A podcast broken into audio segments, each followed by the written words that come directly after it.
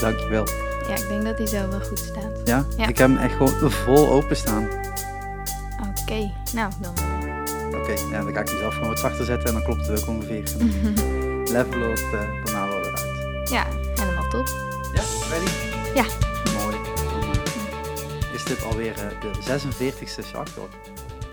Kijk, Ik ben nog geen jaar bezig. Ik zit al gewoon op 46. wauw. Ja, is snel gegaan. Uh, voor iedereen die, uh, die luistert, uh, dit keer geen beeld, gewoon puur alleen maar audio. Hm. dus als je nu zit te wachten tot die fade-out komt van het plaatje met jouw gezicht erop. Gaat niet gebeuren, blijft gewoon de gedurende de podcast zo staan. Dus wil je luisteren op iTunes, Stitcher, Spotify staan we ook op. Dan kan dat ook in plaats van op Facebook of YouTube. Want er komt geen beeld bij. Af en toe hoor je auto's voorbij komen. Motors hoor ik nu. ik weet niet hoe goed ze doorkomen in de microfoon, maar uh, we zitten aan een uh, redelijk drukke weg. Ja, ja? echt een busbaan ook. Een busbaan, oh ja, dat, oh ja, dat ben ik net voorbij gelopen zelfs. Uh, we zitten in het, het centrum van Utrecht. Mm -hmm. Met, moet ik goed zeggen, Lisa ja, Hansa. dat klopt helemaal. En de ene is een Z en de andere is een S. Ja, Lisa ja. met de Z, Hansa met de S. Ja, ik moest dat toch even twee keer nakijken toen ik dat aan het intypen was. um, terwijl het niet hele vreemde namen zijn, maar nee, het, is. Uh, ja. het kan in beide gevallen geschreven worden, denk ik toch? Klopt, ja. Lisa met de S komt uh, zeer vaak voor, ja. Ja, um, ja wij kennen elkaar uh, niet. Wij kennen nee. elkaar alleen via een chat. Omdat yep. ik een berichtje stuurde, wij moeten een keer praten. ja. En dat was, de, was het eigenlijk de, de introductie voor, voor deze podcast eigenlijk. Want uh, mm-hmm. ik zag uh, ja, een crowdfunding campagne mm-hmm. op Voor de Kunst. Ja. Voor de Kunst is een, een crowdfunding website voor Nederlandse artiesten. Die um, een plaat willen maken, een videoclip willen opnemen, een ander kunstig project willen doen. Maar ik scroll Zeker. meestal door, door de muziekcatalogus, zal ik het zo zeggen. Mm-hmm. En dan kwam ik een, een, een crowdfunding campagne van jou tegen. En ik ben dan die gek die... S'avonds laat was dat volgens mij ook nog. Zou wel kunnen, ja. ja. Uh, uh, gewoon af en toe eens van die, van die Kickstarter, Indiegogo's en voor de kunst dus ook gewoon doorscrollt. Ja. Dus kijken wat er te, te, doen is en wat er te zien is en hm. uh, wie geld nodig heeft, hoe stom dat ook klinkt. Uh, want daarvoor begin je toch ook een crowdfunding campagne. ja. Um, en um, ja, ik ben ook gewoon maar een student, heb ook niet al te veel geld. Maar ik wil wel gewoon altijd een paar euro doneren Hm. aan de mensen die, uh, die toch de toekomst voor de muziek vormen. Waar ik zelf natuurlijk ook uh, in wil. Dus dan zou het heel logisch zijn om, om de muziek daarin in te steunen. Mm-hmm. Want jij ging een crowdfunding campagne starten. Yes. Voor een langspeler. Een langspeler? En een, een album Een bedoel album. je? Ja, ja, ja, sorry. klopt, ja. Een album. Um, maar er zat een verhaal achter. Mm-hmm. En daar werd ik wel door getriggerd, moet ik zeggen. Ik weet niet hoe snel het anders zou door hebben geklikt. Mhm. Maar ik, weer, ehm, ja, ik denk dat je het beter zelf even kan introduceren. Oké. Ehm, ja, het verhaal achter dat album is dat het geïnspireerd is op mijn adoptieverhaal. Eh, ik ben twee jaar geleden voor het eerst teruggegaan naar India, dus mijn geboorteland. Ehm, en voor die periode en na die periode ehm, struggelde ik met heel veel, heel veel gedachten en, en ehm, emoties en gevoelens. En eh, vooral het niet wetende en eh, wat me een beetje somber maakte eigenlijk. Ehm, ja, muziek was voor mij, vind ik altijd iets heel erg fijns om te luisteren van andere artiesten. En toen ben ik gewoon gaandeweg zelf ehm, begonnen met gitaarspelen. En eh, ben ik ook van nature, zeg maar, liedjes gaan schrijven. Eh, ik kon die emoties dus eh, rondom dat, die moeilijke periode eh, daarin kwijt. En nou ja, over de hele periode kwam ik uit op tien liedjes ongeveer. En ehm, nou ja, ik ben wel eens gaan deze optreden en toen kreeg ik heel veel ehm, mooie reacties daarop. En dat ik ehm, zoiets had van, oké, dit is wel heel mooi en anderen vinden het ook heel mooi, dus waarom, waarom ga ik het gewoon niet opnemen en verder arrangeren? En dan, eh, dan is dat stukje voor mij ook weer afgesloten. Kan ik weer andere muziek maken, dat ook. Dus eh, dat is het verhaal eigenlijk achter dat album. En daar was dus heel veel geld voor nodig, voor die studio Ja. eh, sessies. Dus vandaar. Oké, ehm, laten we even een paar stappen terug doen. ja, dat is heel veel natuurlijk. Nee, nee. Dat, nee, nee, nee, dat is alleen maar goed. Hm. Want deze podcast gaat over drie dingen. In ieder geval, die drie topics had ik opgeschreven. Oké. Ehm, dat had ik je ook gezegd, denk ik. Hm. Eh, de ene kant is adoptie, dus daar zullen we daar nog wel op, op terugkomen. Mhm. Misschien als het zwaarste onderwerp of het meest interessante onderwerp vanuit mijn kant. Eh, muziek en, en crowdfunding. Ja. Eh, laten we met muziek beginnen, lekker makkelijk. Doen we dat? Want je zegt al, je bent die crowdfunding eh, campagne begonnen. Ja. Maar je maakte al muziek. Ja. Ehm, wat is jouw muzikale achtergrond, verhaal? Ben je, je- we zitten in Utrecht. Ga je Mhm. naar school, naar muzikale Mhm. school? Nou, Of, dat, is- dat is grappig inderdaad. Ik heb Of- absoluut geen muzikale opleiding gevolgd. Ehm, in die zin aan de, aan de hogeschool eh, of van de kunsten hier in Mhm. Utrecht of zo. Ehm, maar vroeger, eh, ik weet niet, ik eh, vond het fijn om achter de piano te kruipen en dan wat covers te spelen. Ehm, en eh, ja, gewoon opeens, drie jaar geleden, ben ik begonnen met gitaar spelen. En toen werd ik getriggerd om, ehm, om, om eh, zangles te gaan volgen. Dat kwam via een vriend, zeg maar. Ben ik bij de zangschool terechtgekomen en toen ben ik liedjes gaan schrijven. Oké, wacht. Je bent piano gaan spelen, covers. Ja. Zong je daar toen ook al gewoon zelf bij of was het alleen nog maar instrumentaal? Ja, ik zong daar ook bij, ja. oké. ja. We hadden van die eh, muziek eh, sheets waar dan zo de tekst boven staat. Dat. Ja, precies dat. Ik had Ja. die vroeger ook. Mijn zus speelde piano, ik totaal niet. Maar ik zei op een Mm. gegeven moment tegen haar waar de C en de rest heb ik uitgevogeld. Mhm. Maar zij had dan al- allemaal van die, van die maand, kreeg je dan per maand kreeg je een aantal van die sheets binnen of zo. Ik weet niet hoe dat Ja, vroeger werkte, maar Ja. als dat nog steeds zo werkt. Ja, mijn zus kreeg ze ook inderdaad binnen en dan speelde ik ze van haar. Oké, nou ja, het, hetzelfde dus. ja. Ehm, ehm, wat, wat triggerde je dan om, om een gitaar op te pakken? Want van, van piano naar gitaar.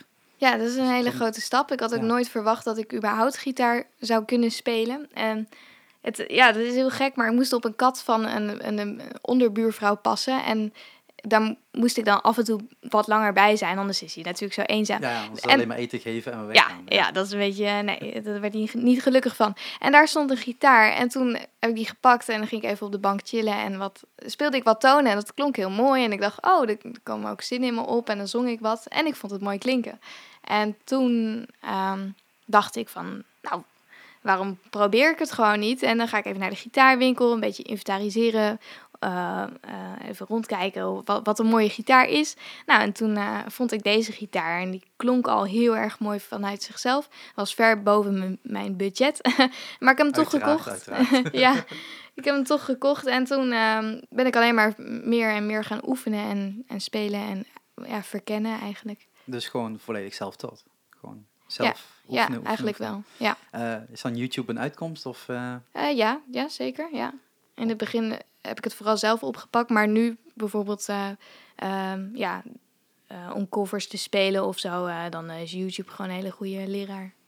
he- heerlijk dat dat gewoon kan, hè? Ja, ja fantastisch. Ja. Ja. En, en, wat, en wat voor... want dan speel je weer covers. Eh, wat voor liedjes speel je dan? Op zo'n moment, tot je dan begint? Is een beetje jouw qua genre? covers, ehm, ik hou van de typische singer-songwrite muziek. Dus nu ben ik toevallig bezig met een liedje van Ben Howard. Ehm, maar ik heb ook wel Ed Sheeran gespeeld of wat heb ik nog meer gedaan? Lucy Rose. Ehm, ja, dat eigenlijk wel. Ja. En ehm, had je toen ook al een drang van... Oké, ik kan nu gitaar spelen, ik wil ook een podium op? Nee, dat vond ik allemaal heel erg Dus spannend. het was gewoon lekker thuis in de woonkamer. Ja, veilig. ja. waar niemand het hoort. Maar je zegt Ja. ook dat je eigenlijk al meteen liedjes in je hoofd kreeg. Teksten. Mhm. Eh, waar kwamen die vandaan dan? Wat was het dan? Geen idee. Werkelijk geen idee. eh, gewoon. eh, ik speel dan, ik tokkel wat op de gitaar en dat vind ik mooi klinken. En dan, dan of komt er een melodie in mijn hoofd of ga ik mee neurieën. En dan eh, vaak pak ik een wit vel papier erbij. En alles wat in me opkomt aan woorden of zinnen, eh, dat schrijf ik op. Dus het is nooit al- altijd eh, standaard bij elkaar passend of zo. Nee, oké. Gewoon de creaties eerst en dan, dan Ja. structureren en Ja. kijken hoe, eh, hoe het... eh, Dan gebeurt. bijschaven. Ja. Ehm, want je zegt dat is drie jaar geleden. Mhm. Ehm, dan, dan, dan begin je met gitaar spelen. Nou, ik denk niet dat je na één week kan gitaar spelen. Hoe lang duurt het dan voordat je eerste nummer een beetje naar je eigen hand had gezet? Mm, ik heb vooral in het begin heb ik ehm, een aantal Engelstalige liedjes geschreven op de gitaar. Mhm. En dat, ehm, ik weet niet, ik kan, ik, ik kan niet meer zo zo goed bij eigenlijk bij die tijd. Maar ik denk dat ik een paar weken over een liedje deed of zo. En dat ik dan tevreden was. Ja. Oké, maar dat is gewoon oefenen, oefenen Ja. en oefenen. Ja. Ehm, want dan heb je dat, eh, die gitaar zelf verkocht, dan heb je, ja, je hebt, met de gitaar heb je niet heel veel meer nodig. Hè? Af en toe nieuwe, nieuwe set strings en dan kun je weer verder. Ehm, ehm, je, had, je had al covers gespeeld, zeg je. Daarvan in Mhm. ieder geval ben je, je gaan, gaan, gaan oefenen. Mhm. Eh, dan ga je je eigen nummers maken. Was er toen al iets van, ik wil hier dan ook mee door? Of is dat dan op zo'n moment nog van, Mm, Nee, het is niet dat ik in eerste instantie ambities had of zo in de muziek. Of dat ik zou gaan optreden. Ik vond het vooral heel erg spannend en eng. En, maar muziek is wel een, een soort van beetje een liefde voor mij of zo. Mhm. Dus op het moment dat ik ging zanglessen, ehm, heeft die docent mij doen overtuigen van joh, eh, als je nou gewoon wekelijks structureel lest, dan, eh, dan kom je langs een bepaald leerpunt heen. En nou ja, ik ben haar daarin gevolgd en ehm, van het een kwam het ander, zeg want, waar heb je dan zangles genomen? Eh, bij de Vocal Arts Academy in de Meren, vlakbij Utrecht. Oké. Ja. Dus iedere week even op en neer. Ja, met de bus. Uurtje, uurtje eh, Half uurtje. half uur. Ja, maar dat was goed genoeg. Ja. En eh, wanneer, wanneer was dat dan in die tijdsperiode tussen... jaar geleden en nu dan? Eh, Dat Of was dat al redelijk snel nadat je de gitaar had Volgens opgepakt? mij. Ja, eigenlijk wel inderdaad. Ik had die gitaar in de zomer gekocht van 2015 of zo, als ik het zeg, of 2014, ik weet het niet meer zo goed. En toen ben ik in rond oktober ben ik gaan beg- begonnen met zanglessen. Dus dat, ja. dat volgde elkaar echt heel snel op dan. Ja, Ja. in principe wel, ja. Dus er ergens ga- gaat er dan een vonkje aan, blijkbaar. Waarschijnlijk, Ja, ja. Ja. Ehm, ehm, je zegt dat je twee jaar geleden, zeg ik het goed, Mhm. die reis hebt gemaakt? Dus, eh, 2017. 17, ja. Ja. Ehm, dus dat, eh, even een tijdsprovisioneel, je was er nu ongeveer een jaar, anderhalf gitaar spelen en zingen Klopt. erbij. Ja. Had je toen ook al nummers die een beetje dat thema aan gingen raken? Ja, en mijn eerste nummer schreef ik eh, eh, volgens mij in juni 2016. Dus een jaar voordat ik daadwerkelijk naar India ging. Dat was februari 2017 dat ik naar India ging. Oké. Ja. En eh, dus dat, dat zijn dingen die echt uit je hoofd moeten, dat je op wilt schrijven, die je Mhm. wilt vertalen naar muziek. Ja, Ehm, terwijl als je singer-songwriter liedjes pakt, gaat over de liefde over het algemeen. vaak wel. Vaak wel. En, en, en ja, ik weet niet hoeveel thema's die nog meer hebben. Maar Mhm. eh, eh, was het dan ook zoiets van, ik, ik, ik mis dan iets? Is het dan ook iets waarvan je eh, dat miste in de, in de muziek die je luisterde zelf? Van, ik kan daar niet een raakvlak vinden. Oh, op die manier. Nee, eigenlijk niet, want... Want waar ik over schreef is, is ook een... eh, gaat over accepteren en verwerken. Dus dat heb je bij de vaak heartbroken songs ook. Ja. Dat verwerken deeltje. Ehm, dus dus Aan ik mis ook dit soms, niet. ja. Ja, ja. Oké, want, eh, want bij mij komt met, eh, meteen eh MIA natuurlijk in mijn hoofd. Een hele andere artiest, wel singer-songwriter als je dat op die manier wilt ze- zeggen. Natuurlijk Mm. een heel andere soort muziek dat ze maakt. Mhm. Maar veel meer ook inderdaad ook haar, haar background story. Eh, vanuit Sri Lanka zijnde heeft, heeft een hele andere impact op haar gehad. Maar als ik naar muziek luister, kom ik niet vaak nummers tegen die...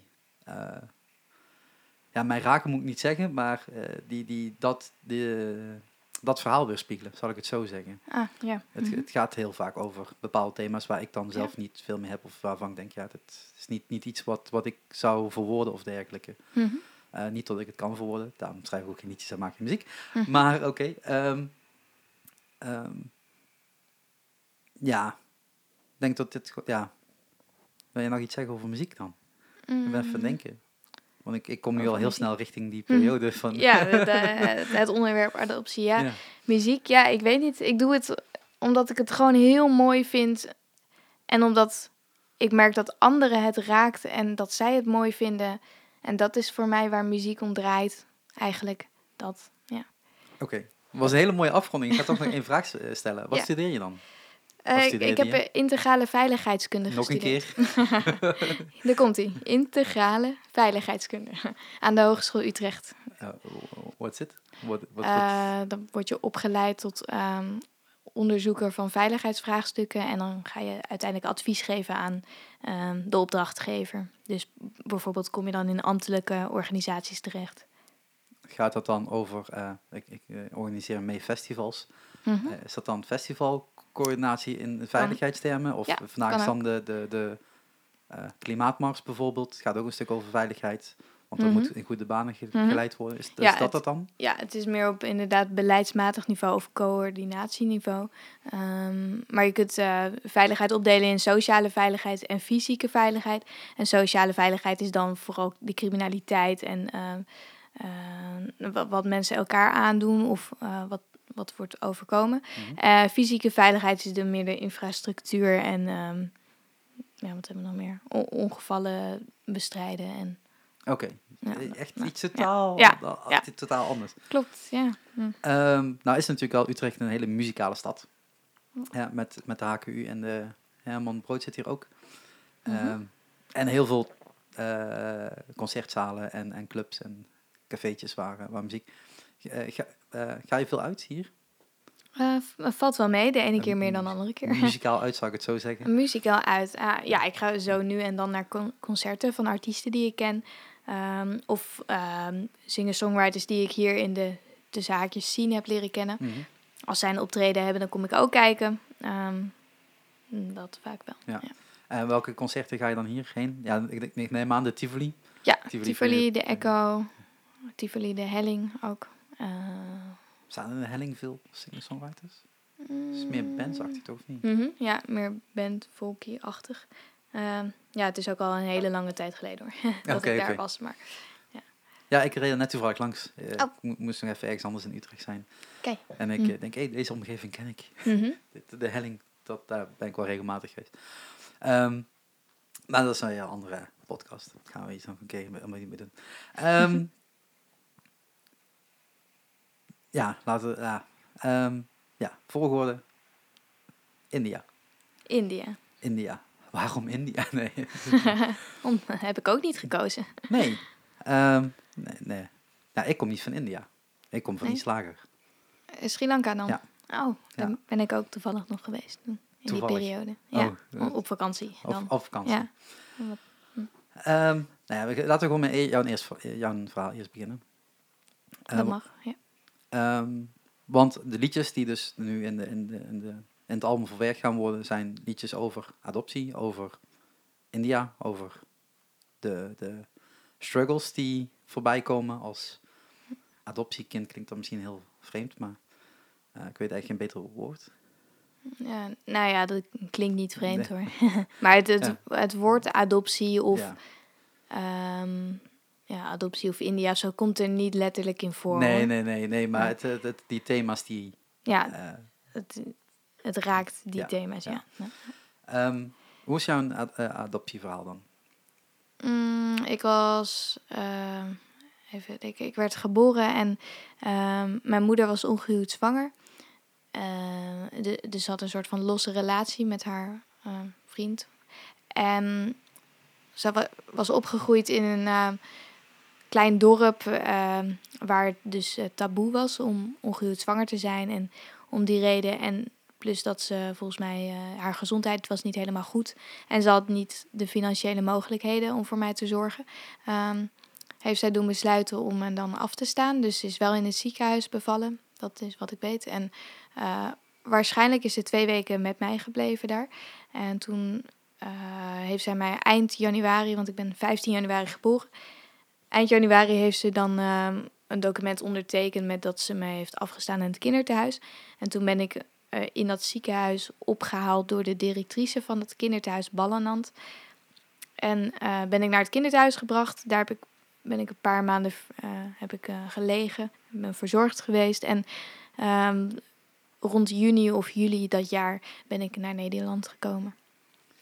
Ehm, twee Nederlandse ouders Ja. die een trip maken naar India en, Nee, en beslissen om daar... Oké, Nee, andersom. ik kwam met het vliegtuig, ja, Ja. met nog een aantal andere baby's, zeg maar, naar Nederland. En eh, op Schiphol, zeg maar, hebben Mhm. mijn ar- eh, ouders eh, mij dan in de armen gesloten. Oké. Weet je een beetje hoe, hoe zij die keuze hebben gemaakt voor een kind uit India te halen? Ja, dat is wel grappig eigenlijk, want zij hebben nooit een voorkeur aangegeven qua leeftijd of qua afkomst of qua gender, zeg maar. Ehm, dus dat was gewoon onwillekeurig en ehm, toen is voor India gekozen. En, maar dat is dan een, een eh, eh, ja, hoe moet je zeggen? Eh, een organisatie in Nederland eh, die dat dan regelt en structureert en zorgt dat dat allemaal... Ja, dat Top. zeg je goed inderdaad. Dat heb ik nog niet eh, benoemd inderdaad. Dat was eh, UNICEF. Eh, dus de, de, de bemiddeling tussen het kinderthuis in Ja. India en eh, het, eh, ja, of het gerechtelijke, of juridische Ja. gebeuren. De procedures en, en dat van mijn ouders dan. Want ehm, als je, je hebt daar geen keuze in, je bent pas een half jaar oud. Mhm. Je moeder daar maakt op dat moment de keuze om, om dit traject te accepteren dan. Ja. Ehm, ik, ik weet ook nooit als daar geld in bemoeid is geweest of niet. Of hoe dat dan gaat. Want als je een kind afstaat eh, aan, een, aan een tehuis, is het dan de bedoeling dat je dan terugkomt? Of is het dan Hm. voor altijd uit, uit handen? Ik Mhm. weet niet hoe dat, hoe dat is. Of hoe dat voor jou voelt. Mhm. Ehm, in Nederland zitten twee, eh zit een echtpaar te wachten op een kind. Dan ben jij dat. Mhm. Ehm, dan groei je volledig in Nederland op. Buiten het feit dat je een half jaar natuurlijk daar in een in kribbe hebt gelegen. Mhm. Ehm, eh, daar, daar, daar kun je niks natuurlijk van herinneren. Ehm, maar je bent volledig hier opgegroeid in Nederland. Ja. Ehm, dat is begin jaren 90 geweest. Even. Ja, Vanuit mijn hoofd. 1993. Ja. Ja. Hoe is dat dan om in Nederland op te groeien? Want eh, je zei net dat je nog een zus had, zeg ik het goed? Ja, ja. klopt. Ah, jonger, ouder? Ouder. Ouder. Ook uit India? Of? Ook uit India en geadopteerd. Oké, Ja. maar niet jouw echte zus vandaar. Eh, niet van Nee, dezelfde nee, Indiase moeder, zeg maar. Nee. Ehm, hoe is het dan om, om op te groeien in, in een gezin waarvan jouw ouders blank zijn Hm. eh, en jij en je zus er anders uitzien dan de directe mensen om je heen? Mhm. Ehm, ja, ik heb eigenlijk vroeger nooit echt ervaren of eh, het kleursverschil Mhm. ervaren. Dat zag ik denk ik toen nog niet. Ehm, dus daar heb ik nooit zoveel last van gehad. En ehm, ja, mijn ouders hebben me het gewoon vanaf het begin af aan verteld dat ik uit India kom. Ehm, dat ik geadopteerd ben. Dus dat is er gewoon. Dat, dat was voor mij eh, Onderdeel van je opvoeding. ja, en werd vanzelfsprekend, zeg maar, joh, oké, prima. En ik ging naar school en ik maakte vrienden. En eh, ik was eigenlijk heel makkelijk in de omgang. Dus dat vond ik prima. En, maar ik ben wel in Zeewolde opgegroeid. En eh, ja, dat was toen een heel jong dorp. Mhm. Waar het merendeel dus gewoon Nederlands en blank was. Dus eh, mijn zus, die dan wat ouder was, die heeft daar wel wat problemen mee ervaren. Op, eh, op haar lagere school dan dat ze gepest werd om haar huidskleur en dat soort Mhm. dingen. Dus in die zin heb ik het wel, ja, is het wel, eh, hebben we het wel meegemaakt, zeg maar. maar want hoe oud is je zus dan? nu 29. Oké. Ehm, ja, misschien wel goed om mijn guild dan te vertellen. denk ik. Zo. Ik ben benieuwd. Ja. Ja, want ik denk dat het dan ongeveer vanuit daar makkelijker verder eh, komt. Eh, want eh, ik ben ook van januari. Eh, een paar dagen eerder dan jou, maar Oh. Wel een paar jaar eerder.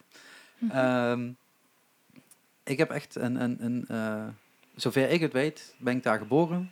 En binnen een maand, of eigenlijk een maand later, werd ik al opgehaald. Mhm. Eh, mijn zus is vier jaar ouder. Zij heeft al echt vier jaar daar gewoond, maar zij kan eigenlijk niks meer van herinneren. Mhm. Terwijl ik, ja, ik weet niet hoe, hoe het is als je vier jaar bent, hoeveel je dan nog onthoudt, zeg maar. Of hoe dat bij een kind werkt. Ehm, een moeder die twee kinderen had, in ieder geval zover wij weten.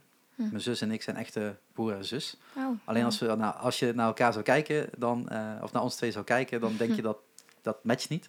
Hm. Eh, zij is veel donkerder dan mij, veel eh, smaller dan mij. Eh, hele andere bouw. Hm. Ook andere gezichtsstructuur, zeg maar. Dus de verwachting is ook dat we alle twee een andere vader hebben. Maar dezelfde moeder. Ah, op die manier, En ja. ehm, eh, zover ik in ieder geval heb meegekregen van mij was hier, is het verhaal ongeveer hetzelfde. Gewoon niet rijk genoeg om twee kinderen te kunnen opvoeden. Mhm. Zover ik weet, mijn zus werd opgevoed door mijn oma daar.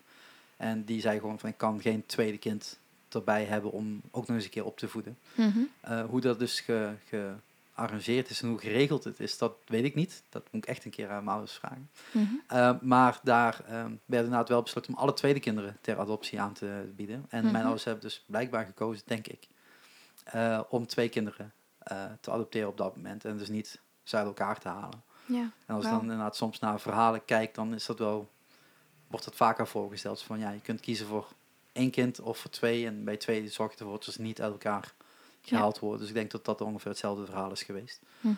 Um, ik ben opgegroeid begin jaren negentig. Um, en ook ongeveer de eerste donkere kinderen in de buurt, in, in Mhm. de uh, woonplaats waar ik nog steeds woon. Uh, Reuver is gewoon een heel klein dorpje, maar dat is Seoul net zo uh, Mhm. daarin. Uh, dus je wordt, van, ja, je wordt altijd vreemd aangekeken. Er waren op dat moment wel wat Marokkanen en Turken, denk ik. Want het is ongeveer dezelfde generatie, zeg maar, waar de eerste generatie in, uh, in opgroeide, zal ik het zo zeggen. Hm. Um, maar vanaf dag één uh, pesterijen, kleurverschillen. Eigenlijk vanaf de, ja, de basisschool eigenlijk al meegemaakt.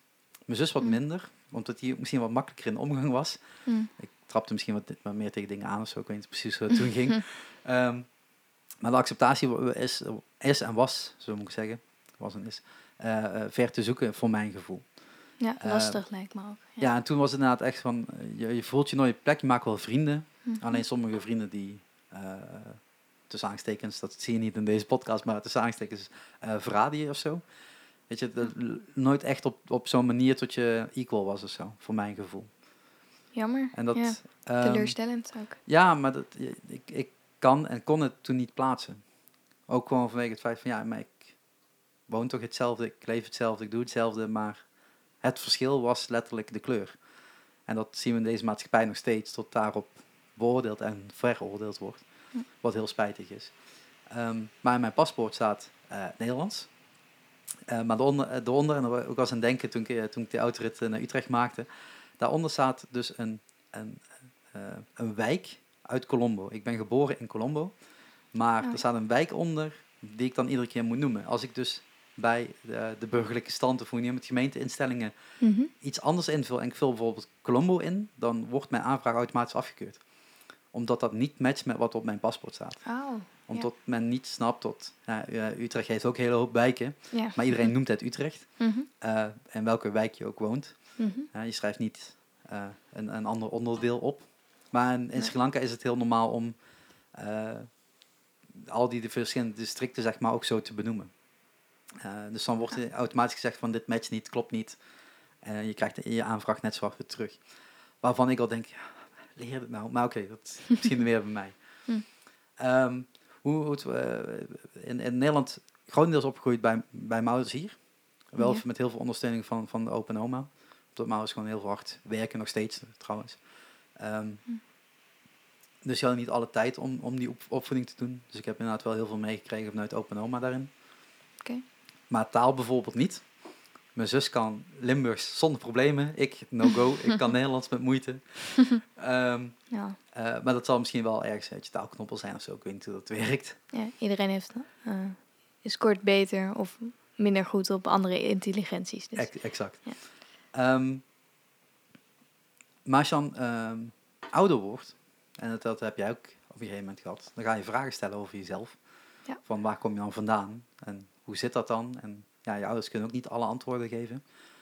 Uh, is jouw uh, familiegezin uh, een keer teruggegaan samen? Nee. Nee. Dus jij mogen in je uppie? Niet in mijn uppie. Okay, met, met twee goede vriendinnen ben okay. ik, heb ik dat gedaan, ja. Um, even kijken, want dat was twee jaar geleden. Ja. Zo, dan was je 23, zeg ik het goed? Ongeveer. 24, 24.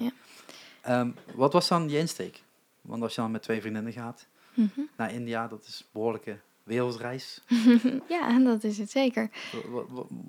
Welke, zoek, welke zoektocht was je daarin aan het... Uh, ja, uiteindelijk, uiteindelijk gewoon voor mezelf. Ik wilde graag mijn ouders ontmoeten, als dat überhaupt mogelijk was. En um, ik wilde meer van de cultuur weten en van mijn, mijn wortels, zeg maar. Want je bent geboren in Mumbai? Ja, klopt, ja. Okay.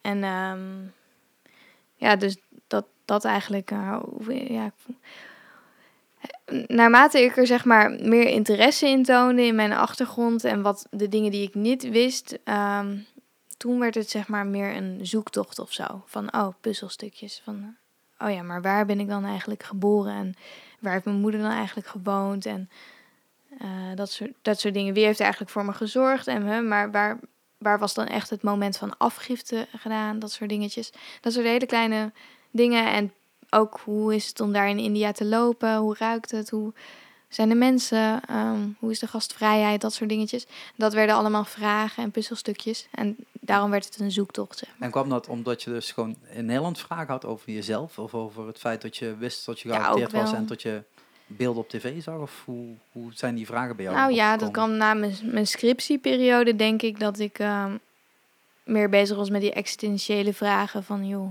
wie ben ik? Wat, wat is nou belangrijk? Wat past bij me? Eh, ja, en waar wil ik heen? Ook eh, gezien mijn werk en... ehm, maar goed, ja. En dan, en dan eh, eh, maak je een vragenlijstje. Dan ga je naar je ouders. dan zeg je, welke antwoorden kun jij geven? En welke moet ik gaan zoeken? Of hoe is dat? Mm, ja, nou ja, ik wist... ik- wat mijn ouders mij altijd verteld hebben hier in Nederland is wat ik weet. En meer dan dat wisten zij ook niet. En we hadden een grote map met alle adoptieprocedures. Die zijn daarin opgenomen. En ook een, staat een brief in van het kinderthuis. Met wat kleine informatie over mijn Indiase moeder. Dus dat is de informatie die er is, zeg maar. Eh, dus dat wisten we al. en alles daaromheen, zeg maar. Ja, dat, dat zijn de vragen. En is het, dan, is het dan dat je dan eh, UNICEF opbelt en zegt, jongens, help me hierin? Of hoe, Nee, heb ik niet eens gedaan. Ik heb gewoon zelf contact gelegd met het kinderthuis. Oké. Die hadden een e-mailadres. En, ehm, en toen is dat contact ontstaan. En toen zeiden zij, oh joh, we hebben hier een dossier. Als je hierheen komt, gaan we het uitzoeken. Dus je hebt gewoon 24 jaar later zeg je, hey, ik ben hier. Ja. Eh, eh, Ja. Weet je, remember me Ja, en, oh ja. en help me even. Ja, nu vergeet ik trouwens een belangrijk deel daarin te vertellen. ehm, dat ik in de tijd, ehm, nog voordat we die, de ticket van die reis hadden geboekt, ehm, kwam ik bij de fysio terecht. Dat was in mijn scriptieperiode trouwens. En die fysiotherapeut was ook geadopteerd toevallig. En zij is nu een hele goede vriendin van mij geworden. Ehm, ja, toevallig zag zij dan op mijn rijbewijs dat ik ook uit India kwam. En toen ging ze daar naar vragen. En toen eh, uiteindelijk zei ik van, joh, ik heb binnenkort vakantieplannen. Waarschijnlijk gaan we naar India. En, nou, en toen ging het gesprek een beetje rollen. En toen vertelde zij over haar ervaringen. Ze kwam uit hetzelfde kinderthuis ook. Dus vandaar, Heel veel toeval. ja, dat, die, dat, hè, dat, dat zij me ook die, die eh, mee kon helpen in die weg daar naartoe. Contact te leggen en dingen uit te zoeken. En, Dus op die manier heb je daar wel hulp in gehad om in ieder geval een beetje een, een richting eh, ja, te, te krijgen. Ja, en eigenlijk bedenk me net, is dat ook eigenlijk de enige richting die ik heb gekozen. Ik heb helemaal niet over nagedacht om contact te leggen met UNICEF of... Nee, ja, deed dat gewoon. Nou ja, eh, je gaat er met twee vriendinnen heen. Zij Mhm. hebben, uh, zij waren Nederlands? Ja. Dus zij hebben niet diezelfde eh roetservaring dat, dat jij hebt. Nee. Eh, moesten ze daar in, in, in meesleuren van, kom mijn verhaal zoeken? Of was het gewoon Mm, Nee, voor hen al dat- automatisch zo van, wij gaan als ondersteuning mee met jou? En, Ja, het zijn eh, twee vriendinnetjes die ik heb leren kennen in mijn halfjaar stage in Zuid-Afrika. Dat was eh, 2014 of zo. En ehm, ja, we zijn gewoon heel hecht geworden. En het reizen ging ons heel erg goed en leuk af. Dus op een gegeven moment, een paar jaar later, zei Amber tegen mij dan... eh, ja, Lies, ik wil graag nog een keer op reis. Waar zullen we heen? En toen zat zij te denken aan India. En toen dacht ik, huh, India? Nou, waarom ook niet? En dan zei ze, ja, dan kunnen we je roots opzoeken. Nou, en toen is dat zeg maar... Toen dacht ik, ja, dat wil ik graag doen met haar. En toen hebben we dus Yvette, de andere vriendin, eh, erbij gevraagd. En eh, die leek dat ook heel erg mooi om samen te doen. En ja, omdat het altijd heel fijn en gezellig is met hun, eh, wilde ik dat graag doen. maar dan wordt het aan de ene kant wordt het dus vakantie. Ja. En aan de andere kant een hele informatieve Ja. zoektocht, Ja. reis. Ja. Hoe lang heb je daarvoor uitgetrokken? Eh, we waren zeven dagen in Mumbai en we waren twee weken in Sri Lanka. Oké, dus echt heel kort ook. Ja. Ehm, want als je zeven dagen daar bent, wat, eh, wat is dan de reis die je moet maken? Want je komt daar aan, Mhm. een beetje aan, je, aan het klimaat wennen. Mhm. Eh, zeker als ik even hier naar buiten kijk. Lekker regenachtig. ja, het is bijna zomer, mensen. bijna. Mhm.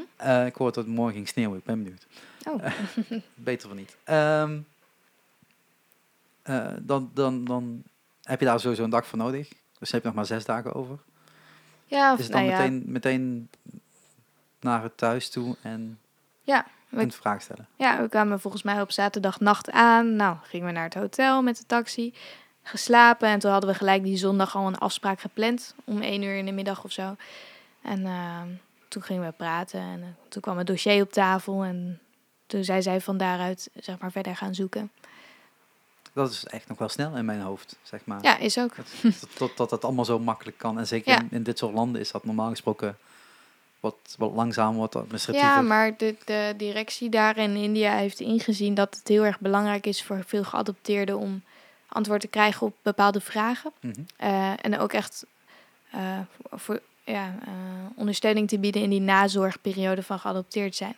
Ehm, en ze hebben alles heel goed gedocumenteerd. Dus ze hebben daar gewoon budget voor en tijd en aandacht voor. Oh, wauw. Ja. Dat is, dat is wel gewoon heel fijn voor iedereen die Ja, vanuit daar is absoluut. geadopteerd. Want dat zal niet in iedere plek zo... eh, Nee, als ik nu verhalen soms lees, dan is dat, eh schort het aan alle kanten wel Ja. eens. Ja. Ja, want dat zit ook in mijn hoofd. Het zit totaal niet in mijn hoofd, eh, zoals jij, jij nu vertelt. Zo van, ja, klopt daar binnen, Oh, klop, klop. mm. En het is Mm. geregeld zo ongeveer. Mhm. Eh, want wat heb je toen, toen gedaan? Want dan krijg je die informatie. Ben je toen je moeder ook gaan opzoeken daar? Ehm, Of nou ja, dat- mijn, de, eigenlijk heeft de directrice van het kinderthuis dat geprobeerd te Mhm. doen. Ehm, die vond, eh, zag een adres staan in het dossier van mij. En die is toen samen met haar assistent zeg maar, naar de woonplaats toegegaan. eh zonder dat ik dat eigenlijk wist. en ehm, die is toen bij het postkantoor gaan rondvragen. Joh, deze vrouw, vrouw er nog? Ehm, nou, toen zei ze ja, volgens mij in, in, in die streek, daar wonen ze. En toen ehm, nou ja, zijn ze bij verschillende huizen gekomen. En toen zei ze: Nee, ja, daar woont nog een zus van haar. Misschien kun je daarmee praten.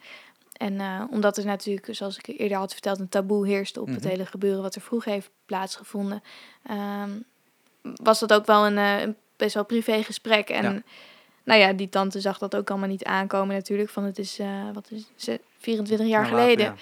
Dus ehm, die werd daar heel emotioneel onder. En ook om het feit dat, eh, dat mijn moeder er niet meer is. Oh, oké. Ja, dus en dat. ehm, het, de directrice van het kinderthuis heeft nog wel gevraagd. eh, of die tante mij dan wil ontmoeten. Maar dat wilde ze dan niet vanwege haar belofte aan haar. Ja. Ehm, dus ja, dat, dat is toen uitgezocht. En toen de directrice van het kinderthuis dat wist van oh, ze is niet meer in leven. Ja, dat moet ik Lisa wel echt à la minuut vertellen. Dus dat, Mhm. toen zijn we s'avonds opgebeld om daar naar het kinderthuis weer te komen en te praten. Dus toen... eh, Oh, eh, ook nog op die zondag dan. nee, dat was dinsdag. Ja. Dus, dat, dus zij hebben in, in drie dagen tijd, twee dagen tijd eigenlijk, Mhm. heel veel werk verricht om jouw background eh, te onderzoeken.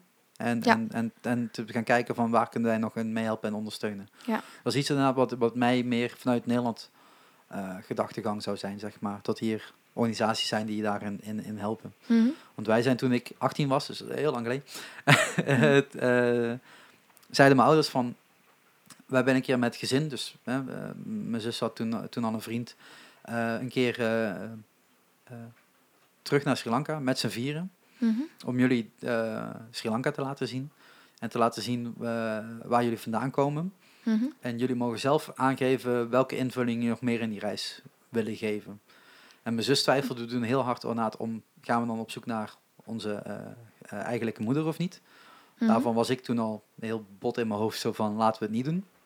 Omdat inderdaad hetzelfde eigenlijk wat jij zegt, die taboe die er heerst. Wij weten ook niet hoe het nu met haar is, als ze inderdaad nog leeft. En als ze nog leeft, heeft ze misschien een nieuwe man die niet weet Van haar van twee eerdere, ja. eh, eerdere kinderen heeft gehad. Want dat kan opeens een heel gezin weer uit elkaar gaan, gaan trekken. Mhm. Dat moet je ook niet willen. En dan heb je daar gewoon begeleiding van nodig die dat inderdaad gaat zoeken. Van Mhm. tevoren hetgene wat jij eigenlijk, Ja. eh, waar ze daarmee ondersteund hebben. Mhm. Ehm, toen hebben we eigenlijk met z'n, met z'n tweeën besloten, oké, we doen dat niet. Eh. En toen ja, gedurende de periode dichterbij kwam om daarheen te gaan, begon mijn zus toch weer, ja, zullen we het dan misschien dan toch nog doen? En misschien toch nog zoeken. En eh, ik weet niet hoe het toen is gegaan, maar toen hebben we ook gewoon weer gezegd van laten we het niet doen uiteindelijk. En toen hebben we een, een ik denk dat we daar 2,5 weken zijn geweest of zo, drie weken, ik weet het echt niet meer. Mhm. Eh, hebben we een rondreis gemaakt door Sri Lanka, alleen op dat moment heerste er nog oorlog. Dus we zijn toen in Colombo begonnen. Oh. Zijn eh, iets naar boven gereden, rechtsaf naar de andere kant van, van het land. Mhm. En via de onderkant weer eh eh, Candy weer terug, zeg maar. Ja. Ehm, dus we hebben echt de helft van, van Sri Lanka gezien. Hmm. Het was een mooie reis. Eh, ik zat in een hele andere soort tijd. Alles was donker. Nog steeds wel redelijk, maar op een andere manier. Mhm. Ehm, dus dus, dus, dus eh, voor mij was het toen heel moeilijk om, om daar ook maar iets te merken en te vinden. En ik kan me ook heel weinig herinneren van die reis van Ja. destijds. Mhm. Terwijl voor mijn ouders en voor mijn zus op een heel andere manier beleefd is geworden. Ehm, drie jaar geleden? Ja, inmiddels drie jaar geleden. Ehm zat ik weer een jaar thuis. Eh, tussen, tussen, between jobs, hoe noem je dat? Hè? Ja. Alleen toen besloot ik van ik wil, eh, ik wil eh, toch weer een opleiding gaan doen. Dus ik ben heel laat weer met een nieuwe opleiding begonnen, music management. En Cool. ehm, daar ben ik dus iets, meer dan, iets minder dan drie jaar geleden mee begonnen. Alleen net daarvoor dacht ik van ja, dit is mijn enigste en laatste kans nog Mhm. om nog een keer een reis te maken ehm, en naar Sri Lanka te gaan. Want waar zou ik anders heen gaan in dat geval, zeg maar. Ja. En eh, toen heb ik ongeveer mijn hele huishouden verkocht, waar ik voor had, eh, om die reis te kunnen maken. Wauw. Eh, ja, dat scheelt als je heel veel spullen hebt gespaard, kun je ook heel veel verkopen. Dus heel veel cd's en dvd's. Ja, bijna alles ging de deur uit. Mhm. Maar daar kon ik wel die reis van betalen. En ehm, toen zeiden mijn ouders, we, we- je, je mag daarbij zijn. Eh, mag is natuurlijk een groot woord als je eh, 29 bent, zeg maar. Op, dat- op, op, dat, eh, op dat moment. Of 30 misschien het wel. Ehm, maar we willen wel dat iemand meegaat als gids zijnde, zeg maar. Dus we Ja. willen wel dat, we, eh, eh, tot je niet alleen daar rondwaalt. Want als je daar alleen een auto gaat huren, dan weten we helemaal niet als je terugkomt. Nee, dat snap Ehm, ik, ja. En niet zozeer in, in, in, het geval dat ik terug zou willen eh, ko- komen, maar meer van als er iets gebeurt. Ja. Ehm, en toen hebben we de gids ge- gepakt die ook van de, de vorige trip pas mee was, Nelson. Oké. Dat gaf mijn ouders wat geruststelling Ja. en zo. Snap ik wel. Ja. Alleen uiteindelijk bleek dat, bleek dat echt een mismatch te zijn. Die man die is Ja. 65 ergens of zo en dan kom ik daar gewoon meer dan de helft jonger. En ik heb toch Mhm. andere dingen over, als ik aan cultuur denk, dan dat hij erover denkt. Ah, Dus hij nam me mee naar alle tempels die ik vorige keer ook gezien had. en ik zei op een gegeven moment tegen hem, zeg maar, ik, ik- die tempels heb ik nu wel gezien. Mhm. Weet je, ik wil andere dingen zien, maar eh, dat, met die leeftijd en, en zijn kennis bleef dat binnen de tempelculturen Mhm. en, en geloofsdingetjes hangen. Dus ja, Oh. ik heb niet heel veel eh, meer dan dat gezien. wel, ja. Alleen eh, drie jaar geleden was natuurlijk de oorlog voorbij. Dus ik kwam wel helemaal naar, uh, naar Jaffna toe, wat helemaal bovenin Sri Lanka ligt. Ik weet niet welke trip jij hebt gemaakt in Sri Lanka. Wat jij ook hebt gedaan in het zuiden, zeg maar. Van Eh, ehm. Colombo naar Candy. Of, En dan en dan de kust. Ja. Ja. Oké, en ik ben dus nu de laatste keer ben ik dus toch naar, helemaal naar bovenin geweest, naar Jaffna. Ja. Waar je dus bijna India kan zien aan de overkant liggen. Ja? Hm. Ehm, het scheelt niet zoveel. Dat is echt een, Oh. een, een klein boottochtje. Oh, cool. Ehm Jaffna is totaal anders. Dat is eh eh Tamil strijders zaten daar vroeger. Dus eigenlijk het hele noorden eh, was Tamil gebied. Een hoop van de Tamils zijn eh, vermoord. Eh, eh, eh, de oorlog heeft daar heel veel schade aangedaan. In het zuiden is natuurlijk ook in, wat was dat toen? Die water die heel veel heeft. eh, Oh, dit tsunami. tsunami, Ja, dat was het woord. 2004 Ja, of zo? Ja, wij zijn dus in 2004, Hm. of 2005, net zeg maar een half jaar nadat, zijn we dus met het hele gezin naar Sri Lanka gegaan. Dus we zagen echt alle, alle verwoestingen nog. Wauw. En eh, dat is in ieder geval nu grotendeels hersteld. In ieder geval drie jaar geleden toen ik daar was. Mhm. Eh, maar ja, de schade van de oorlog is in ieder geval nog veel groter. En ja, wat er gespeeld heeft tussen Tamils en, en de, de Singalezen, een heel ander verhaal. Ehm, maar ja, dan kun je dus nu wel naar Jaffna toe. En dan zie je hoe arm het verschil, of het grote verschil is tussen rijk en arm, zeg maar, tussen Colombo Mhm. wat toch echt al veel meer een multiculturele stad aan het worden is. Ja. Veel culturele sta- stad aan het worden is, eh, omdat daar gewoon meer rijkdom is. Mhm. Terwijl als je naar Jaffna toe gaat, je heel veel armoede ziet. Ehm, als, je, als je naar Mumbai gaat, is dat een vrij rijke stad. Hè? In, in, Mhm. in de scene van, van eh, rijkdom die je kunt, kunt hebben in, in zo'n land. Ehm, als jij dan, eh, dan reist van, van India naar Sri Lanka, welke, welke verschillen heb jij dan gezien? Mm, Want je hebt twee totaal verschillende culturen gezien, ondanks dat ze zo dicht bij elkaar liggen. Weet je, het is Nederland-België, zeg maar bijna.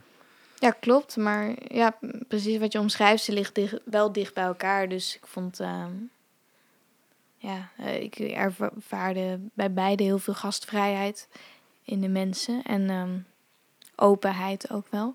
Ehm, maar ja, en in, in Mumbai zelf heb ik en de sloppenwijken gezien en het rijke gedeelte. Dus Mhm.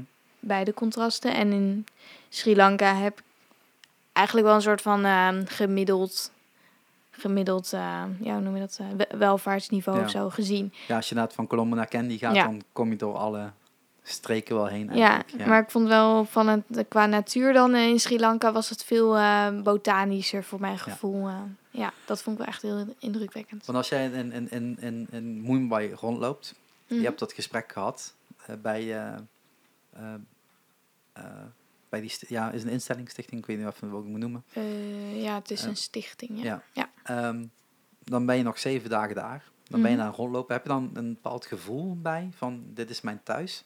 Of is dat Mm. juist de regen hier in Utrecht? Ja, ik heb me die vraag wel eh, gesteld inderdaad. Voel ik me hier nou thuis of eh, hoor ik hier nou of wat is dat nou? Maar ik denk dat gewoon ehm, India en Sri Lanka een heel, heel spiritueel land is. En ehm, dat je die sfeer, dat ik die sfeer aanvoelde, zeg maar. En dat vond ik er heel prettig en warm aan. En, ehm, en ja, plus het, is, het was eigenlijk vakantie voor mij. Dus het is en leuk en nieuw tegelijk. Dus Mhm. dat zijn allemaal positieve dingen.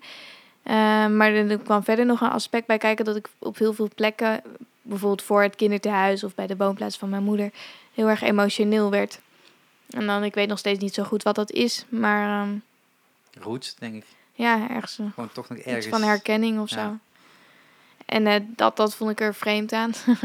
en, ehm, maar goed, ik, ja, toen ik later uiteindelijk terugkwam in Nederland, ik, ja, dit is gewoon mijn thuis. Ik heb hier mijn vrienden, ik heb hier mijn, mijn dingen. En ja, Dat vind ik wel mooi dat je dat noemt. Dat je Nederland Hm. eh, eh, eh, kan omschrijven als een, een, een thuis zijnde. Ik heb, eh, dat weten de meeste mensen inmiddels, denk ik, of niet.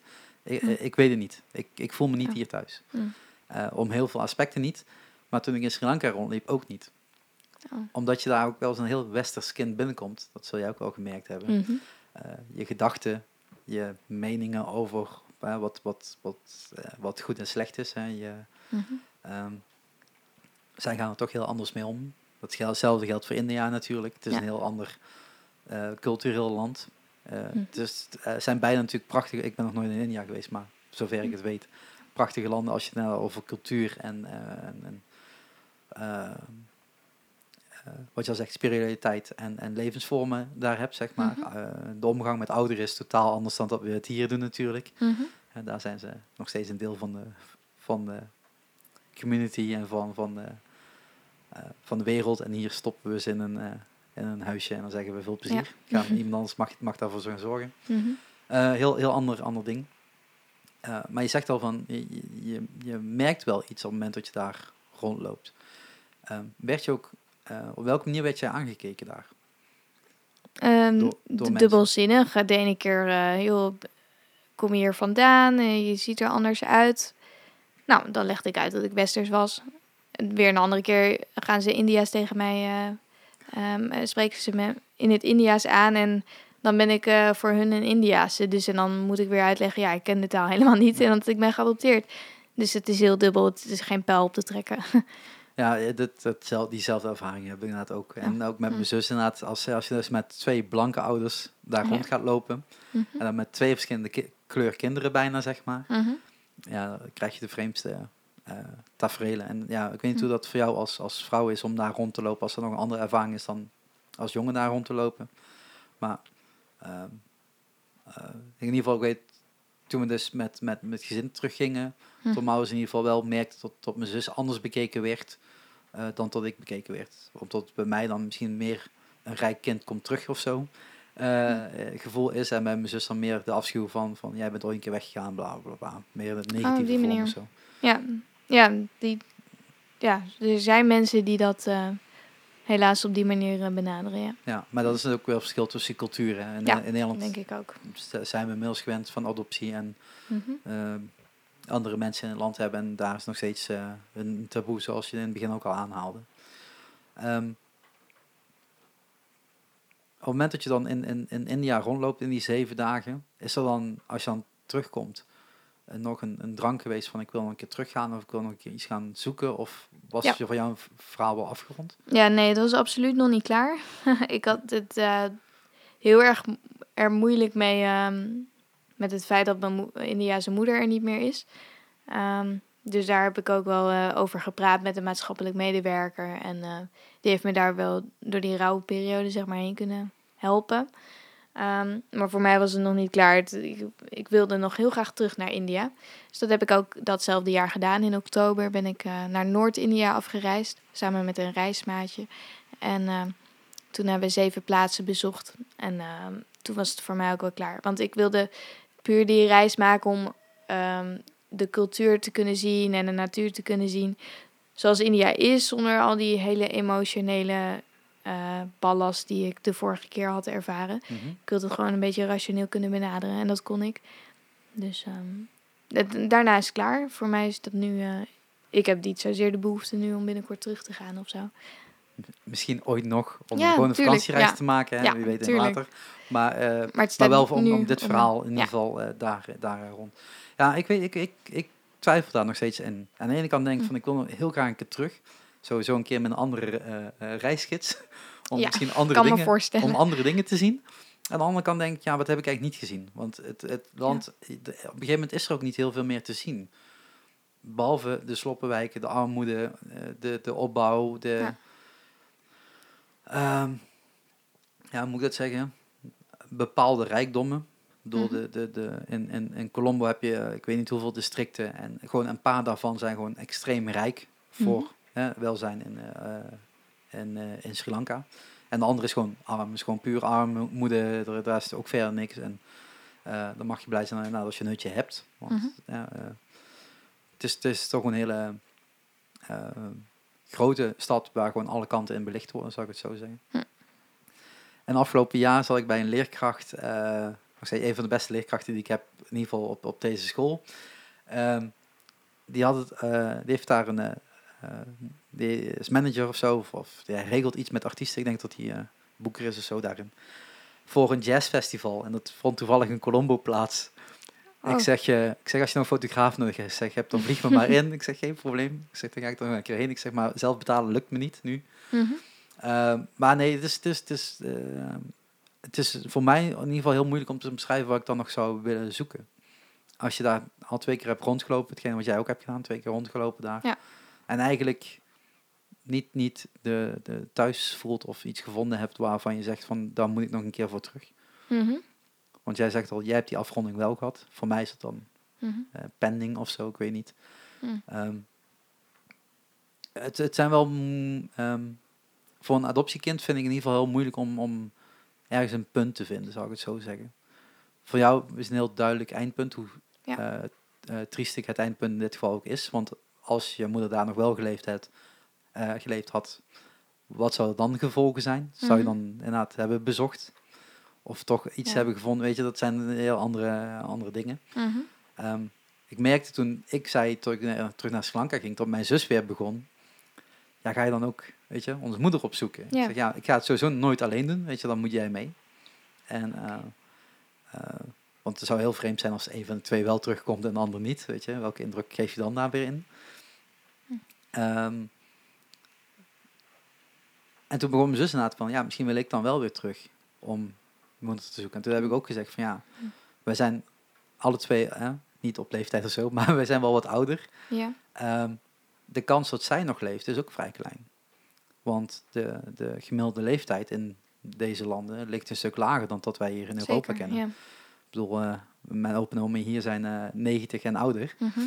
Ehm, Dat ja, dat- ze daar dat- vaak niet. Nee, de kans is daar heel klein tot je dat, eh, tot je dat daar haalt. Dus als je dan nou denkt, stel tot zij ook 30 is geweest, ja, dan komt dus gewoon nu 34 jaar bij. Dat is 64. Dan zit je toch wel eigenlijk richting het einde van het leven daar. Hm. De kans dat ja, 80 wordt gehaald is vrij klein. Hm. Als ik dan naar het zie eh, vanuit mijn zus, eh, want die is dus wat, wat ouder, dus namelijk ook zeg van ongeveer 30 als, als, als leeftijd zal zijn geweest. Hm. Ja, wat, wat ga je dan dan nog zoeken? En hoe groot is de kans dat zij inderdaad er nog is? En als er wel is, hoe groot is de kans dan dat zij op die leeftijd dit nog zou willen? Ja, maar nou heb je het over kansen. Ja, ja, ja. ja maar dat- Maar dat is, kijk, ik heb ja. niet zozeer die noodzaak. Als, als we Nee. doen, doe ik dat voor mijn zus. Oké, ja. Dus als, eh Santi, als je luistert, eh, we kunnen het er dan een keer over hebben. Eh, nee, maar dan ga ik met mijn zus daarheen. Dan, dan, zo, dan ja. is het, dan is dat het is voor haar en dan ga ik samen te doen. Ja. ja. dan vind ik dat nog wel. Maar dan heb je weer een reden om naar een terug te gaan. Ja.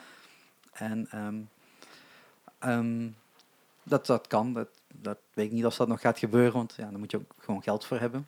Ja, Eh, dat snap ik. Het zijn geen, geen goedkope reizen en onderzoek daarna naar. In jouw geval was redelijk goedkoop, want ja, de instelling wil je helpen. ja. Mhm, Bij ons is dat nog maar zeer de vraag als we op die manier zouden kunnen traceren. ja. Eh, omdat we dus ook niet in, een- in een instelling hebben gelegen of dergelijke. Nee. Maar ik, eh, binnen een gezin zijn opgevoed. Mhm. Ehm, toen kwam je terug. En toen had je heel veel inspiratie voor muziek. Mhm. En toen heb je je gitaar gepakt en Ja. liedjes gaan schrijven. Verder gaan schrijven, Verder gaan inderdaad. schrijven, ja.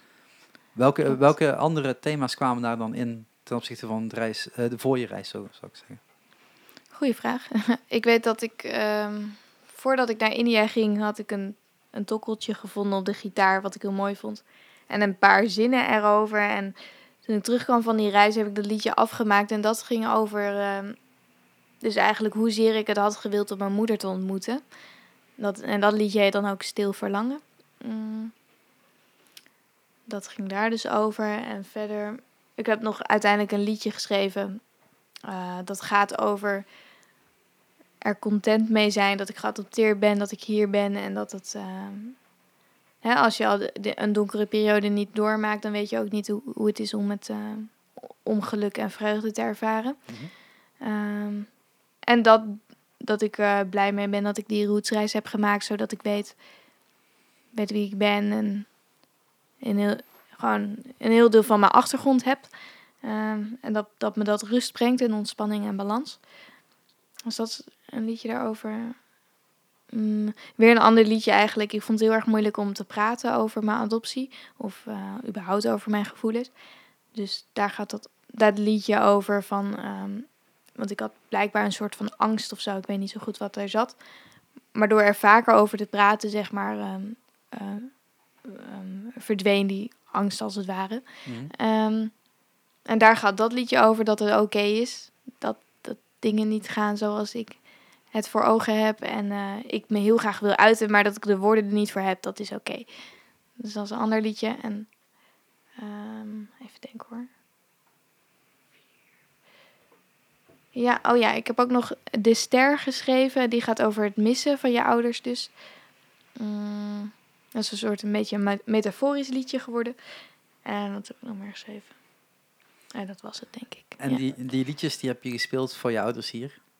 Mm, nee, eigenlijk nog niet. Oei, ze, hebben het, eh, ja, ze hebben het alleen nog via social media gezien. Ja. oké. Ehm, dus zij zullen ook nog wel een reactie daarop hebben. Een emotionele reactie verwacht, Ja. zou ik zo zeggen. Omdat zij toch wel het verhaal Mhm. van zo dichtbij. Want ik denk dat dat jouw, jouw plaat ook heel veel mensen gaat raken. De Mhm. mensen, ja, want er zijn in Nederland heel veel geadopteerde kinderen die met Mhm. exact dezelfde vragen rondlopen. Sommigen hebben die wel ook, kunnen beantwoorden, sommigen niet. Ehm, en wat ik al zeg in het begin, er zijn geen liedjes hierover. Er zijn geen. Nee. Zijn wel verhalen, hè? Want eh, je, je, Ja. je, je, je, je vertelde al voor, voordat we begonnen met opnemen, er zijn natuurlijk tv-programma's over. Mhm. Eh, die zijn ook altijd vol emotie. Ik hoef ze niet te zien persoonlijk. ik kijk andere tv of bijna geen tv, zou ik zo zeggen. Oké. Ehm, het, het, het- die muzikale eh, reis die zij in die tien liedjes zijn, hè, Ja. gaan beleven ze inderdaad op heel veel raakvlakken denk ik wel gelijk liggen. En Mhm. eh, mensen die erbij betrokken zijn, dus zowel de kinderen als misschien wel de ouders, inderdaad wel heel erg ehm, ja, hetzelfde verhaal kunnen meenemen of zo. Ondanks dat ze Mhm. vanuit andere landen komen, vanuit andere Ja, dat plekken in de wereld. Hè, de adoptieverhaal blijft bij veel mensen hetzelfde. Dus het geldt natuurlijk niet voor iedereen. Ja. En je kunt gewoon geadopteerd worden in eigen land. Dat Mhm. kan ook hè, natuurlijk. Mhm. Ehm, maar dan zeg je van, dan heb je tien liedjes gemaakt. En dan zeg je van, ja, nou die optredens wil je eigenlijk wel tot daar een album van komt. Maar je bent eigenlijk totaal niet zelf in de muziek scene Mm, daar, ja. daarin. ja, wel steeds meer geworden eigenlijk. Tu- tuurlijk. maar hoe ben je dan bij voor de kunst terechtgekomen? En toen ik vorig jaar had bedacht om de muziek te willen opnemen, eh, had ik contact gelegd met de producer waar ik nu mee samenwerk, Erwin Tel. En nou ja, we hadden natuurlijk begroot van, joh, hoe- hoeveel studiodagen hebben we nodig? En toen hebben we daar natuurlijk een prijskaartje aan gehangen. En toen dacht ik, ja, ik wil, ik wil het gewoon goed, goed doen waar ik tevreden over ben. Ehm, maar goed, dat prijskaartje was vele malen hoger dan ik eh, voor, eh, ja, in gedachten had. Dus toen dacht ik, eh, ja, dan moet ik iets anders verzinnen. En dan ga ik aan crowdfunding beginnen. Want dat had ik wel eens eerder gedaan voor het Ja. kinderthuis in India. En dat werkte heel goed. Ehm, Maar niet bij voor de kunst neem ik aan. niet bij Nee. voor de kunst, inderdaad. En ehm, toen heb ik daar met Erwin over gesproken. En toen kwam Erwin met het idee. Want ik had zelf ook wel wat gekeken naar Kickstarter. En voor de kunst trouwens ook kwam Ja. langs. Eh, maar dan zag ik dat je dan een bepaald percentage moet afdragen. En toen had ik toch eigenlijk liever voor mijn eerdere eh, platform gekozen. Kenta heet dat. En eh, toen zei Erwin tegen mij: Ja, maar joh. ehm, als je niet haalt, dan vraag je gewoon of je moeder, zeg maar, gewoon je daarbij ondersteunt. Dus dat heb ik van tevoren gewoon aan haar gevraagd. En dat wilde ze doen. Dus ehm, het gat dat er was, kon opgevuld worden. En, en op die manier, ehm, naast alle donaties, zeg maar, heb ik het doelbedrag kunnen halen. Mhm. Want dat was mijn grootste angst. Van ja, maar als ik het niet haal, dan krijgen alle investeerders of eh, donateurs hun geld terug. En dat, dat vind ik he- helemaal zonde van de eh, energie en Ja. de, de, de vraag. Dus vandaar. Ja, voor, voor de kunst, voor de mensen die het niet weten, is gewoon een, een groot Nederlands platform die inderdaad gewoon eigenlijk alle kunstrichtingen in Nederland eh, kan ondersteunen. Daar kun je een crowdfunding op beginnen. Voor hun moeite betaal je een kleine fee. Ja. Eh, dat is een introductiefee volgens mij 125 euro of zo. Ja. En daarna krijg je nog een percentage van de opgehaalde bedrag. 7 of 8 procent. Ja. Eh, het heeft ook met de, met de ban- bankkosten te maken en hun eh, Ja. re- regelingen, back en dergelijke dingen. Ze hebben ook een heel mooi pand. Ik ben volgens mij twee keer daar geweest. Oh, wat leuk. Ehm, voor een ander project en één toevallig moesten we voor, voor Bevrijdingsfestival daar zijn. Mhm. Ehm, zij regelen ook heel veel subsidies. Eh, daar zijn Ja. ze ook mee bezig. Dus eigenlijk ook met, met het, tot jij niet als eh eenling naar de provincie hoeft te gaan en hoeft te gaan zeggen van hé, ik, heb, ik heb geld nodig. Mhm. Dat doet voor de kunst ook. Dus ja, tot zij daar een, een percentage voor vragen is dan ook wel reëel. Maar zoals jij al zegt, van ja, het is natuurlijk wel, wel eh, Een risico. een, een- ja, een risico wat je daarin in, in draagt. Ja. Ehm, maar welk streefbedrag had je neergezet? Eh 7500 euro. Dus dat is nog een, een, een niet extreem hoog bedrag voor een album. Nee, klopt. eh, een, een, bandalbum kan eh, soms veel hoger uitvallen, mensen. Ja. Ehm, maar inderdaad wel een, een risico wat je niet zomaar in één keer even haalt. Nee, zeker. Eh, wat heb je dan toen gedaan? Want ik ben het gewoon tegengekomen toevallig door op die site te scrollen. ja, geweldig. Maar hoe heb jij het aangepakt dan om, om die Ehm. crowdfunding succesvol te laten zijn? Nou ja, samen met ehm, Erwin en Desiree, Desiree is mijn zangdocenten, hebben dus een, eh, eh, ja, echt een, een heel goed filmpje in elkaar gezet. Dat, eh, dat schetste over de, de relatie tussen mijn muziek en het adoptieverhaal. Ehm, Ja, daardoor weer ik getriggerd. ja, waarschijnlijk, ja. Ja. Ehm, en nou ja, dan vervolgens als die crowdfunding eenmaal loopt, zeg maar, dan gaat het erom dat ik mensen enthousiast maken over de crowdfunding. Hè? Waarom doe ik het nou en welk doel beoog ik ermee? En ehm, om daarmee mensen te overtuigen. En ik heb ook heel, altijd heel nadrukkelijk gezegd dat ik wil dat mensen doneren omdat ze het mooi vinden of eh, heel graag willen dat het er komt. En niet ehm, dat ik er niet op zat te pushen of zo van joh, je moet doneren en eh, geld binnenhalen of zo. Nee, helemaal niet. Dus ik heb veel op, eh, social media met leuke acties gepromoot, leuke tegenprestaties bedacht en ehm, hier en daar wat optredens, events georganiseerd. Ehm geflyerd ook nog. Oké, oké. ja, dus het, er, ging, er zat heel veel werk in, maar het, eh, het beloonde wel. Ehm, ja, ik vond echt een van de leukste dingen, eh, buiten het feit dat ik die events niet heb meegekregen of dergelijke, eh jouw thank you note. Gewoon een heel leuk Ja. plaatje met daarop handgeschreven Oh, ja, klopt. alle namen. Ja, ik vind dat, het kost niks. Ja. En mensen vinden het gewoon heel fijn om in ieder geval ergens bedankt te worden. Mhm. En Meer en- dan terecht ook, ja. Ja, en, en omdat je ze ook nog eens een keer bij elkaar zetten, zien mensen ook dat ze niet alleen zijn. Ja. Hè, want je kunt inderdaad ook gewoon allemaal losse post-it eh, memo's maken. hè, Ja. van hey, dankjewel, dankjewel, dankjewel. Mhm. Eh, maar op deze manier eh, krijg je ook weer die samenhang. Dat mensen inderdaad weer die, die samenhorigheid of zo voelen. Oh ja, ja.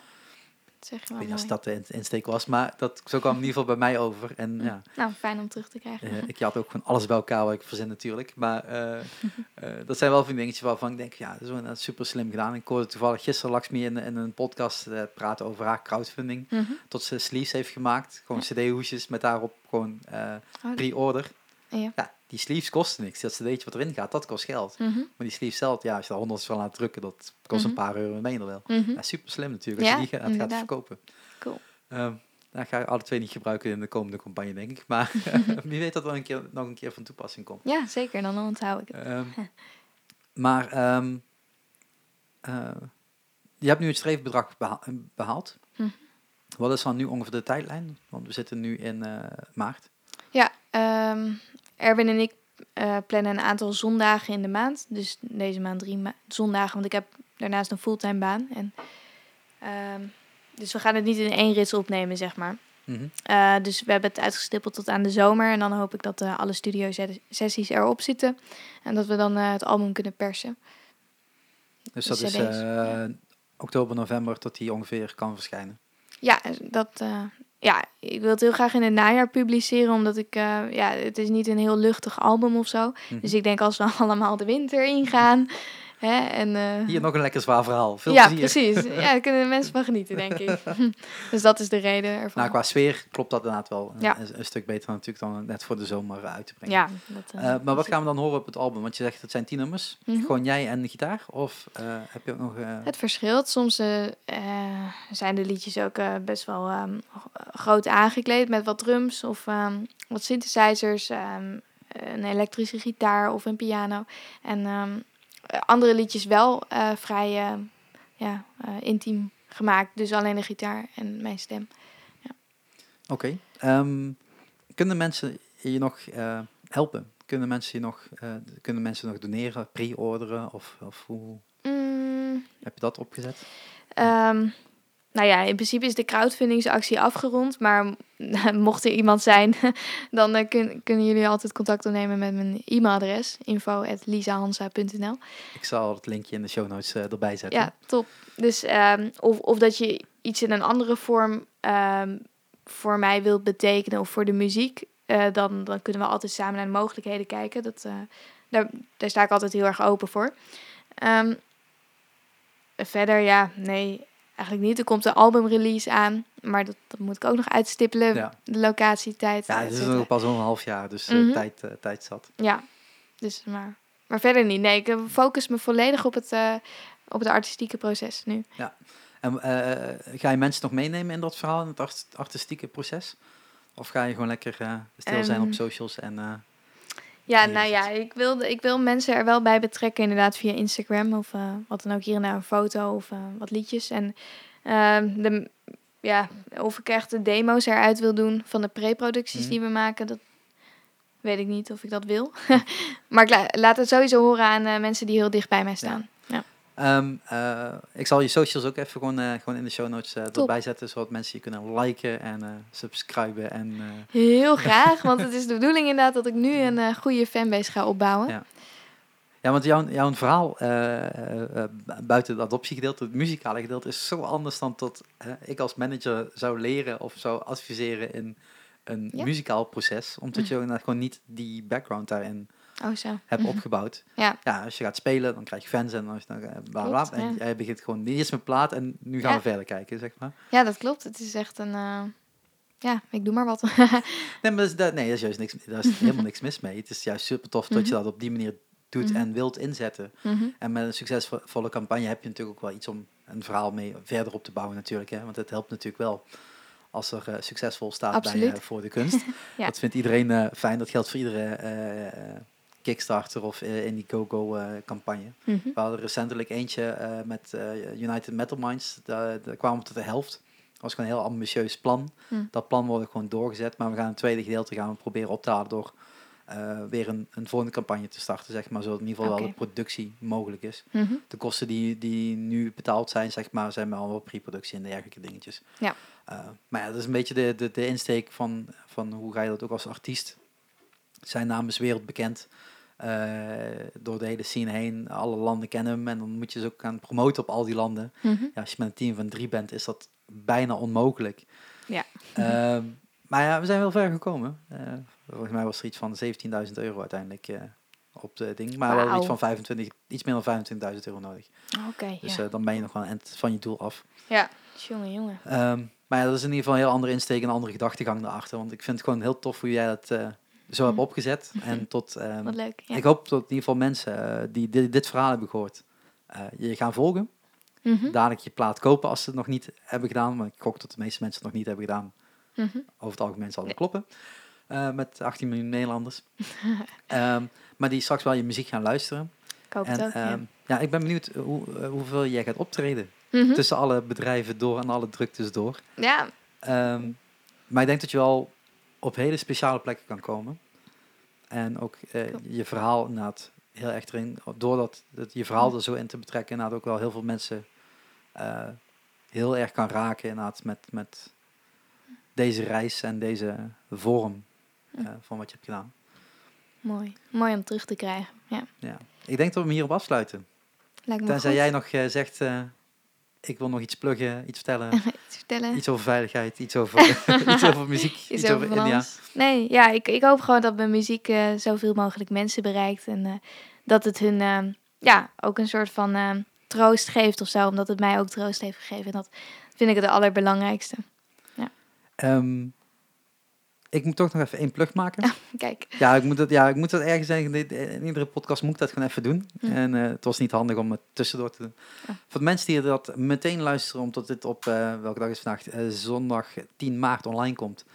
Meteen luisteren. Dinsdag 12 maart is er weer een Shark Sessions live. Dit keer in Café de Haas in Voerendaal met Eet aan Huis. Daar gaan we ook weer een podcast van maken. Dus die kunnen jullie deze week nog verwachten. Ook een hele drukke week, maar dinsdagavond moet die gewoon online kunnen, denk ik, hoop ik. Ehm, de show is natuurlijk weer gewoon gratis bezoeken. En ehm, dit keer hebben we ook een, eh, weer een support act mee. Zijn achternaam weet ik niet. Voornaam is Jeffrey. Een, een Duitse eh, straatmuzikant. Die eh, ik toevallig ben tegengekomen tijdens de vorige Shark Sessions Live. Ehm, die pakte zijn gitaar gewoon tijdens, het, eh, tijdens de show. En die eh, begon gewoon te spelen. Die zegt, mag ik voor een keer bij jou spelen? Nou ja, natuurlijk geen probleem. Doen we graag. Eh, dus iedereen die daarheen wilt komen, dat kan dus op dinsdag 12 maart vanaf eh, 8 uur in Café de Haas in Voerendaal. Maar aangezien deze podcast zo dicht op deze show zit, wil ik ook alvast aangeven dat we weer een volgende show hebben geprogrammeerd. Dat is namelijk in april, weer de tweede dinsdag van april. In dit geval, in dit geval gaan we een paar meter verderop zitten in, en, eh, ja, in de Nieuwe Nor, in het café van de Nieuwe Nor in Heerlen. Eh, met One Word, een Amerikaanse eh, rapper. Een heel ander iets dan, dan dat Eten Huis gaat laten ten horen brengen. Maar ehm, ja, wordt weer een hele toffe show. de tweede dinsdag van, van april. Ik denk dat dat eh 9, 9 is of zo. Achtste. Zal rond die koers zijn. Eh, ik zal de show ook eh, eh, onderin de show notes alvast erbij zetten. Want daar zijn jullie natuurlijk ook gewoon welkom. En daar gaat Brolin uit Remond eh, support voor verzorgen. Dus dat zijn weer twee hele toffe shows vanuit Shark Sessions Live die op het programma staan. En ehm, ja, iedereen is daar natuurlijk welkom bij. Ehm, ja, dan wil ik jou bedanken. Jij ook bedankt. dat ik hier mocht zijn in, in het hele zonnige, regenachtige Utrecht. Helaas wel, ja. Vandaag wel. Eh volgende keer is het weer zonnig als ik hier ben, denk ik. Ja, wees vooral eh, welkom om nog een keer terug te komen. Ja, ik vind het een super tof gesprek. En dankjewel dat je zo open wilde zijn eh, over je adoptie en over je muziek. En voor iedereen die dus benieuwd is, ga haar liken Mhm. op alle platformen en volg haar verhaal tot, tot na de release. Want dan ja, heb je in ieder geval alles meegekregen. Dankjewel voor je tijd en tot de volgende Shark Talk. Doei!